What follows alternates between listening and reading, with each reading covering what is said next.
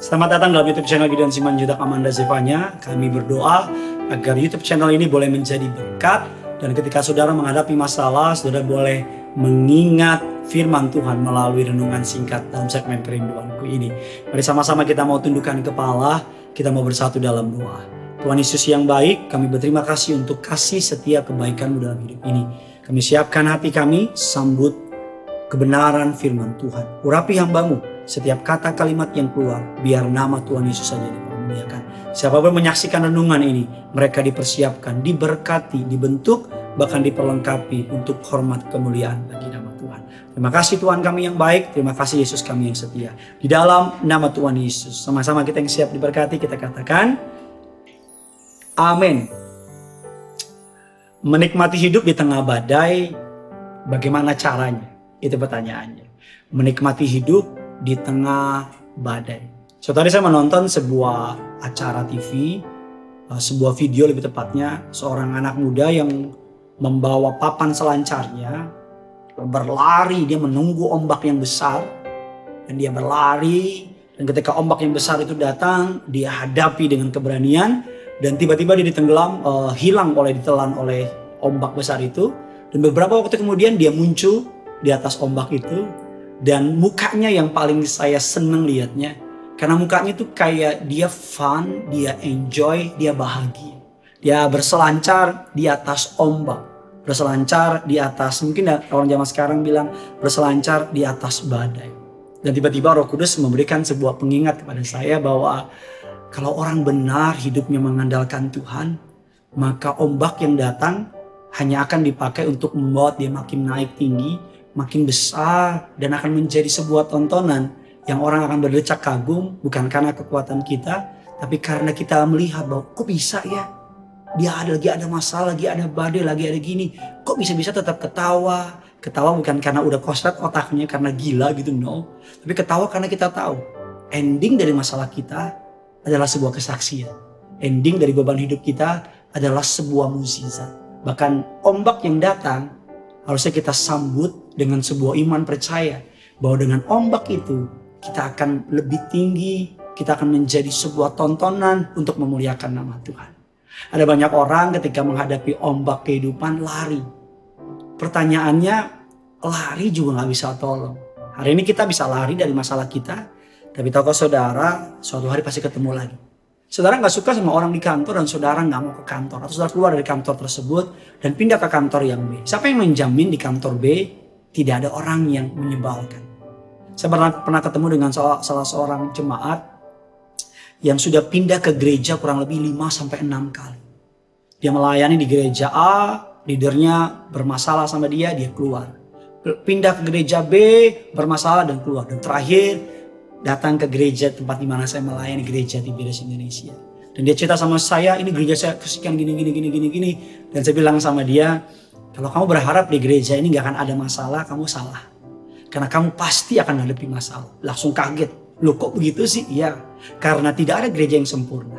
Kalaupun ada gereja yang sempurna, ketika kita yang tidak sempurna masuk, gereja tersebut menjadi tidak sempurna. Dan puji Tuhan, dia didewasakan di gereja tempat saya melayani gereja Tiberias dan dia menghadapi masalah, diizinkan masalah demi masalah membentuk dia, diizinkan tantangan demi tantangan membentuk dia, dan akhirnya dia menjadi salah seorang yang hari-hari ini hidupnya boleh menjadi berkat bagi banyak orang.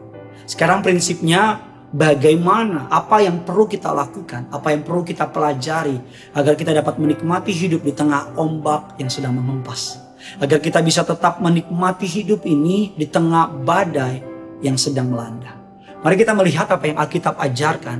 Bagaimana cara kita menyikapi keadaan buruk dalam hidup ini.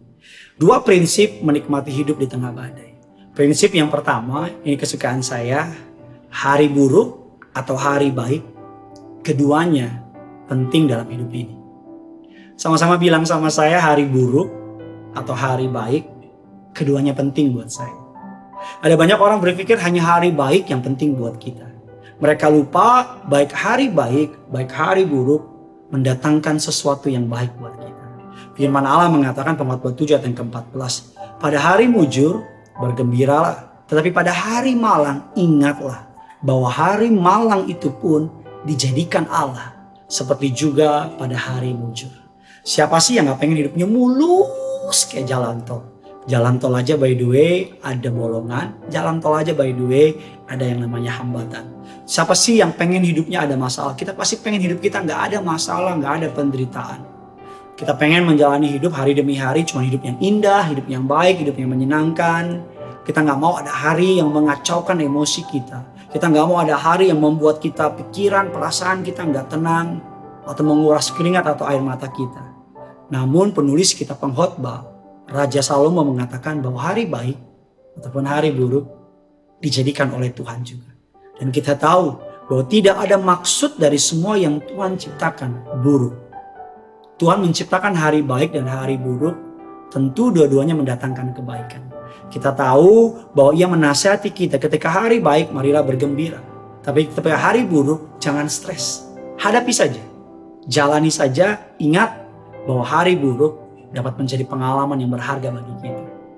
Berapa waktu lalu saya ngobrol dengan beberapa teman saya yang anaknya udah mulai sekolah. Dan mereka mulai ngomong begini. Saya senang anak saya sekolah. Saya bilang sekolah online offset? Secara onset, tatap mata, tatap mata, tatap muka. Semangat nih saudara tatap muka. Saya senang tatap muka. Kenapa? Karena ketika anak saya sekolah tatap muka, dia dibentuk oleh lingkungan. Kalau di rumah dia nggak ngalamin masalah Pak Pendeta. Di rumah dia nggak ngalamin tantangan. Di sekolah dia pulang dia cerita teman saya eh, Pak ngambil kotak pensil saya. Di sekolah dia cerita teman saya ngomongin saya. Di sekolah dia cerita temennya kasih dia kado. Temennya baik sama dia.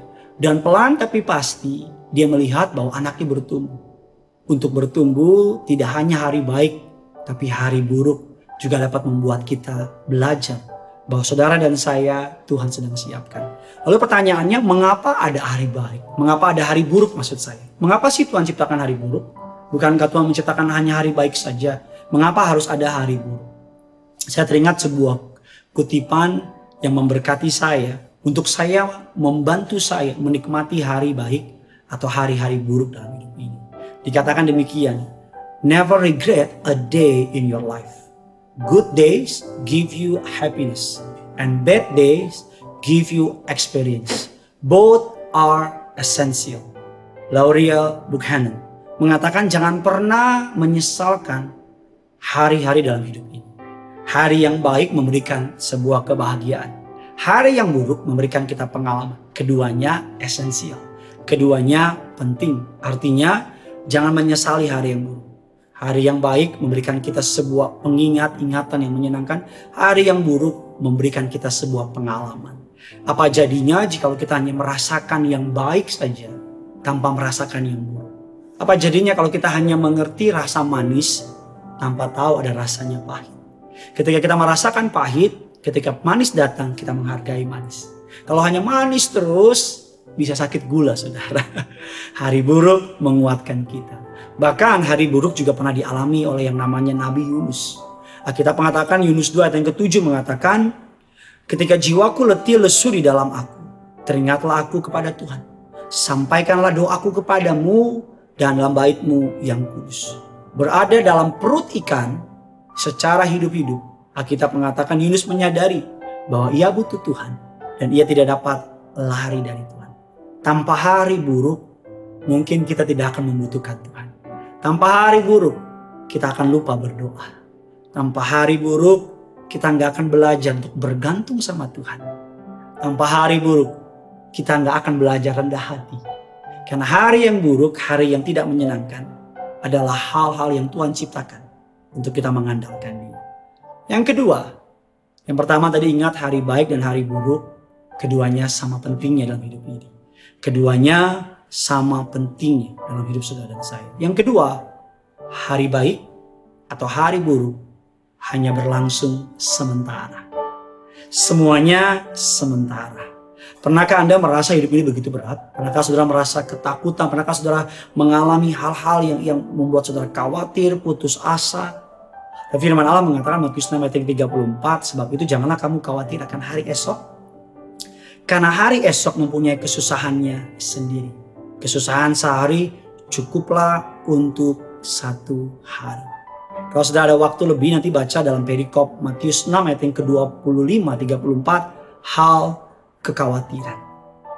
Ayat ini mengingatkan kita bahwa hal yang buruk atau yang baik semuanya sementara. Biar kesusahan hari-hari esok untuk hari esok. Nikmati hari ini. Ada sebuah kutipan yang memberkati saya mengatakan demikian. Everything in life is temporary. So if things are going good, enjoy it because it won't last forever. And if things are going bad, don't worry. It can last forever either. Dari dari sebuah kutipan ini dikatakan demikian, segala sesuatu dalam hidup ini adalah sementara. Jika semuanya berjalan dengan baik, nikmati. Karena hal itu tidak akan bertahan selamanya. Jika sesuatu berjalan dengan tidak baik atau buruk, jangan khawatir. Karena hal tersebut juga tidak bertahan untuk selamanya. Kalau lagi di atas, jangan sombong. Karena nggak selamanya di atas. Ada kalanya Tuhan izinkan kita melewati yang namanya turunan. Kalau di bawah, jangan rendah diri karena nggak selamanya di bawah. Tuhan akan angkat kita naik. Mari sikapi hal yang buruk dengan benar. Hidup memang tidak sesuai, tidak selalu berjalan dengan apa yang kita mau. Tetapi ketika kita berjalan bersama dengan Tuhan, kita akan melihat pertolongan dari Tuhan. Sebuah kutipan yang terakhir mengatakan demikian dari Vivian Green. Life is not about waiting for the storm to pass. It's about learning to dance in the rain. Hidup bukan hanya bicara menanti badai untuk berlalu. Tetapi mari kita belajar untuk menari di tengah hujan. Kehebatan orang percaya bukan hanya ketika keadaan baik. Tapi ketika keadaan buruk, kita tetap melihat hal yang baik. Bersukacitalah dalam pengharapan, sabarlah dalam kesesakan. Bertekunlah dalam doa. Roma 12 ayat yang ke-12. Ketika saya sedang kecewa, ketika hal buruk terjadi sama saya, bisakah saya tetap bersuka cita? Bisakah saya dapat menikmati hidup di tengah badai? Kalau bisa, bagaimana caranya? Hari buruk atau hari baik, keduanya penting dalam hidup ini. Dan dikatakan yang kedua, ketika saudara dan saya hal baik atau hal buruk berlangsung hanya sementara. Ketika hari engkau dalam keadaan di tengah badai, di tengah hujan, jangan tunggu hujan berhenti. Menarilah bersama dengan Tuhan. Ketika engkau dalam keadaan dipres, jangan tunggu tekanan berhenti. Tapi biar tekanan itu menguatkan, meneguhkan saudara, engkau keluar menjadi orang-orang yang hebat. Tidak ada pujian tanpa melalui ujian. Tidak ada kenaikan tanpa yang namanya ujian. Selamat menjadi orang-orang yang kuat. Selamat menikmati hidup sekalipun kau sedang menghadapi masa-masa yang berat. Selamat menjadi berkat. Bagikan kabar baik ini sebanyak mungkin. Dan tulis kolom komentar di bawah bahwa aku dapat menikmati hidup sekalipun aku dalam keadaan berat masalah hidupku.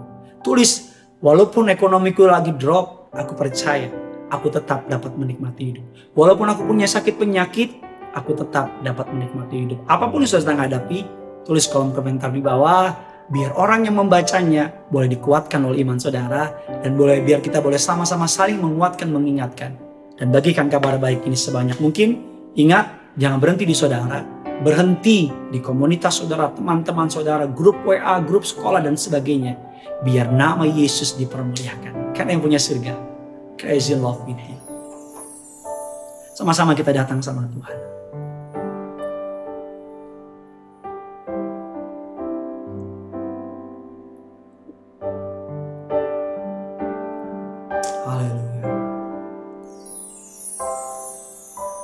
Tuhan adalah kekuatanku. Bersama dia ku tak akan goyah. Ku kan terbang tinggi Bagai Raja Wali. Melakukan perbuatan yang besar Tuhan adalah kekuatanku. Bersama dia ku tak akan goyah. Ku kan terbang tinggi Bagai Raja Wali Melakukan perbuatan yang besar.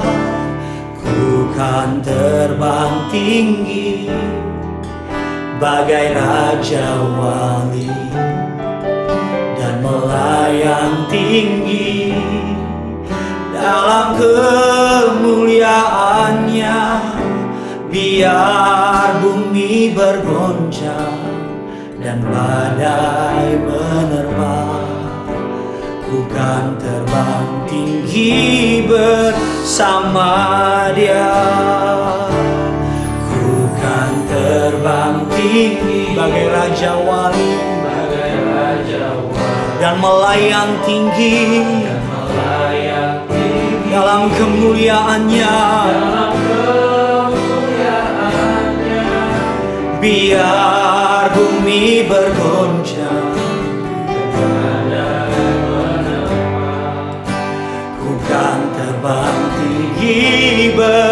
bersama dia. Bukan terbang tinggi. Bagai Raja Dan melayang tinggi. Dan melayang tinggi. Dalam kemuliaannya. Biar bumi bergoncang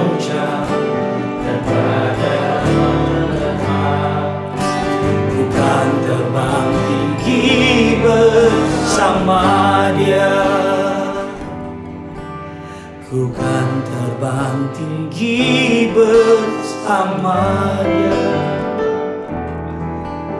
Ku kan terbang tinggi bersama dia